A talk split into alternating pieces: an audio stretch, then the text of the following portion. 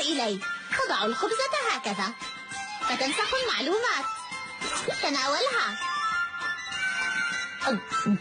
طعمها ليس سيئا. صحيح. هكذا تكون قد حفظت المعلومة التي على قطعة الخبز.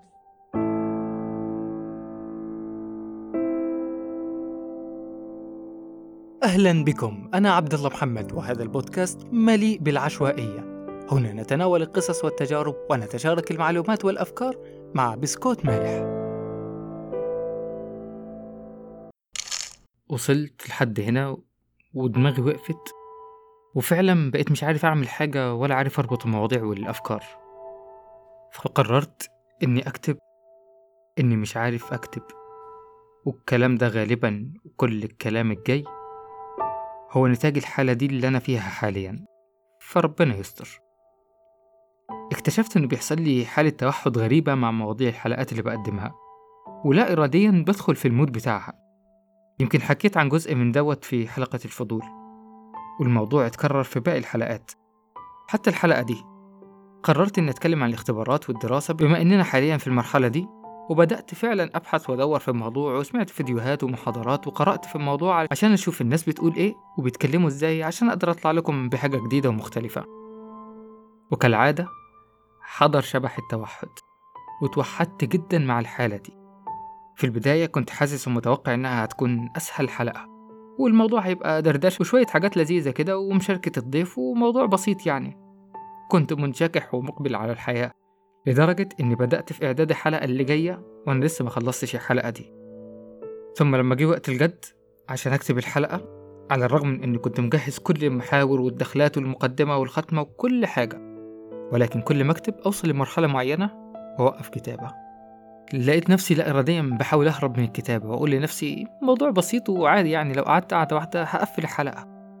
موضوع التشتت وعدم التركيز ده فعلا متعب وبيضيع مننا كتير بس مش هو ده الموضوع اللي أنا حابب أتكلم فيه. استنى.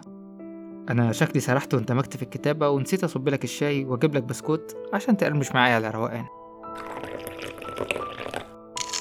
لما بحثت ودورت لقيت أغلب المصادر بيتكلموا عن طرق المذاكرة والنجاح وإزاي تقدر تتفوق وتجيب أعلى الدرجات وحتى في كلام عن إزاي تبعد عن التشتت وتقدر تركز وتنجح والكلام ده يعني.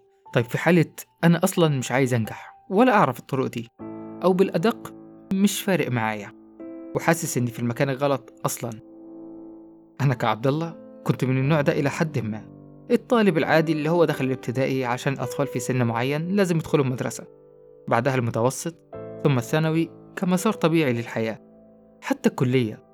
ما كنتش عارف قبل ما أدخلها أنا عايز إيه بالظبط ولا عارف أنا هنفع في إيه. وبأمانة ما كانش فارق معايا تقريبا. وطوال فترة الدراسة خاصة لحد قبل الثانوية ووفاة والدي الله يغفر له ويرحمه كانت بتحصل دايما نقاشات بيني وبين أهلي إني مش ده مكاني وإن يا جماعة الدراسة دي مش طريقي وكنت مقتنع تماما إن مكاني الصحيح لاعب كرة قدم. وهنا قصة الستة مليون دولار. ولكن هحكيها لك كمان شوية. قصتي واللي حصل واللي بيحصل معايا ده متأكد إن في زي كتير. أنت ممكن تكون واحد منهم باختلاف بعض التفاصيل. الدراسات أثبتت إن نسبة 83.27 تقريبا من الطلاب أصلا هو ده حالهم وقت الدراسة. والدراسات دي أنا لسه مألفها حالا وليس لها أي أساس من الصحة. بس اللي متأكد منه إن إحنا كتير جدا. إحنا كتير اللي كل يوم بنفكر إننا نسيب الدراسة ونبعد عن الجو ده. كتير اللي كل يوم بنسأل نفسنا إيه علاقتنا باللي إحنا بندرسه ده؟ وهنستفاد منه إيه أصلا؟ يعني إيه أهمية التفاضل والتكامل؟ وهتفرق معايا أنا في إيه إني أعرف الألكام من الألكين من الألكاين ولا أنا مالي قيس يحب ليلى ولا يحب نوال حتى؟ وليه عنتر يفضل يحارب ويتنطط ويحارب هنا ويحارب هنا ويكتب شعر العبلة وهما الاتنين في الأخير ميتين؟ وأنا عمال استخرج في صور جمالية ومحسنات بديعية يا عبل لو أني قابلت كتيبة سبعين ألفا ما رهبت لقاها. أنا المنية وابن كل منية وسواد جلدي ثوبها ورداها. الله الله برافو حبيبي برافو حبيبي. عارف يا صديقي إحنا اللي صح. ودي قناعة تامة وصلت لها خاصة بعد ما اتخرجت أهو من الكلية من سنوات. أنظمة التعليم أصلا غير مجدية. وهنا مش بتكلم على دولة معينة بل تقريبا المنظومة كمنظومة أصلا. واتكلمنا في جزء عن دوت في الحلقة التانية. يعني لو سألتني يا عبد هل الدراسة دي مجدية ومستاهلة الوقت والمجهود ده كله مننا؟ هقول لك بكل ثقة لأ. وأصلا أغلب العلماء والمخترعين والمشاهير في العالم وعلى مر التاريخ تميزوا وظهرت أسمائهم لما قدروا ياخدوا القرار الصح ويبعدوا عن الدراسة التقليدية ويركزوا في مجالاتهم. ومش هحكي لك هنا بقى عن بيل جيتس وأديسون ومش عارف مين وغيرهم وغيرهم الكتير اللي التاريخ كتب أسمائهم. أنا كعبد الله أعرف واحد بصفة مباشرة. وصل لقناعة تامة في مرحلة من المراحل إنه فاشل دراسيا وإن الدراسة دي مش طريقه وقرر يسيب الدراسة وهو محدد كويس. هو عايز إيه؟ وهيروح فين؟ وهيعمل إيه؟ وفعلا أخذ القرار ده بكل جرأة. وما شاء الله عليه بعد حوالي حاليا 3 أو أربع سنوات من القرار ده لسه فاشل زي ما هو ومحققش أي حاجة.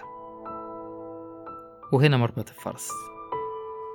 في واحدة من نقاشاتي مع عيلتي وأنا بحاول أقنعهم إن المستقبل والفلوس في الكورة. حكيت لهم عن قصة عشان أدعم موقفي. روبرتو كارلوس اللاعب البرازيلي المشهور حكى في مرة إنه كان بيضطر يجي الاستاد وهو صغير ويدي ظهره للملعب عشان يبيع مشروبات غازية يقدر يغطي بيها مصاريفه. وإنه بعد ما وصل وبقى نجم بقى مكانه في قلب الملعب الناس كلها بتبص عليه ومضى عقد إعلان للشركة دي نفسها بستة مليون دولار. أخويا وقتها سألني سؤال. السؤال ده لسه معلق في بالي لحد دلوقتي. قال لي في كام لاعب في العالم؟ قلت له كتير.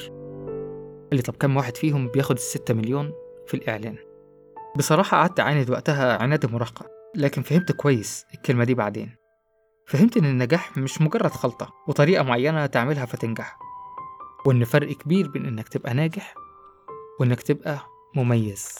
وإن مش عشان في حد عمل خطوة معينة أو طريقة معينة ونجح فيها فبالضرورة إنها تناسبني. زي ما وصلت لقناعة تامة وفهمت إنك لو سألتني هل يا عبد الدراسة مهمة ومجدية ومستاهلة المجهود ده كله هقول لك وبكل ثقة نعم. بودكاستي وأنا حر أغير رأيي براحتي. الخلاصة يا صديقي شئنا أو أبينا الدراسة والشهادات التقليدية بقت مقياس مهم لكتير من الأمور في واقعنا وأن البدائل المتاحة لا زالت قليلة جدا وشبه منعدمة خاصة للمراحل الأساسية. صحيح بقى في تعليم مرن ومفتوح وتعليم عن بعد وتعليم ذاتي وأمور كتير ولكن لا زالت ثقافتنا محدودة إلى حد ما في الموضوع ده وتحتاج للتغيير. وإلى ما يحصل التغيير في الثقافة دي وتتطور من المنظومة دي أكتر وأكتر. ومذاكر أنت المواد اللي عندك دي. يمكن في يوم من الأيام تكون أنت سبب في التغيير ده. تبغى تحقق أحلامك؟ لا تضيع وقتك. بادر. فكر عيش اللحظة واشتغل على نفسك حتى وهم نايمين. أتعلم تصنع محتوى جديد عشانك لأجل تاريخك حتى وهم يحتفلوا برضو عادي. أرجع وانت رافع راسك بين الناس وقول لهم هذا أنا.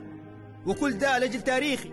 لا تحرم نفسك من شيء يعرقل طريق حياتك. إيوه كانت مرحلة كفاح شقيت تعبت ضحيت وكنت تمر بمرحلة صعبة حتى إنك ما تكون معاهم يعني. بس لأسبابك الخاصة. بعدها راح تحس بالفرق وتكون راضي عن نفسك وهذا المهم. تجيك النتيجة ويكون فيها راحة نفسية قوة طاقة إيجابية. أنت نفسك ما كنت متوقعها في يوم من الأيام. يا مان أنت بطل يا مان أنت فيك قوة ما حد يعرفها إلا أنت. أنت القائد أنت الأول في مجالك. أنت الطموح بحد ذاته. بالضبط قوي نفسك لنفسك عشان نفسك.